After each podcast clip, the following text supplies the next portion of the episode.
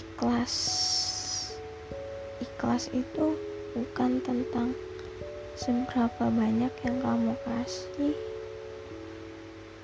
seberapa banyak yang kamu dapetin ataupun seberapa banyak kamu nungguin orang yang kamu baikin pada saat itu. Ikhlas itu berarti ketika kamu ngasih seseorang atau melakukan sesuatu tanpa adanya imbalan. Mungkin itu definisi ikhlas. Tapi kalau ikhlasnya soal kehilangan gimana kalau barang hilang kan? Kita bisa beli lagi. Kalau orang yang udah hilang gimana?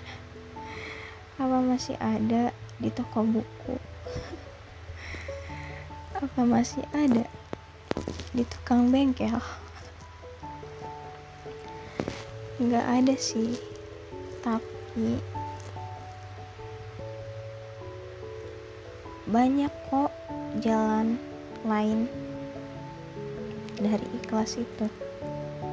Kalau orangnya udah nggak ada yang kamu lakuin saat ini adalah harus terbiasa tanpa dia gitu. Jadi nggak usah nungguin dia lagi gitu. Jadi kalau misalkan dia pergi ya udah pergi aja.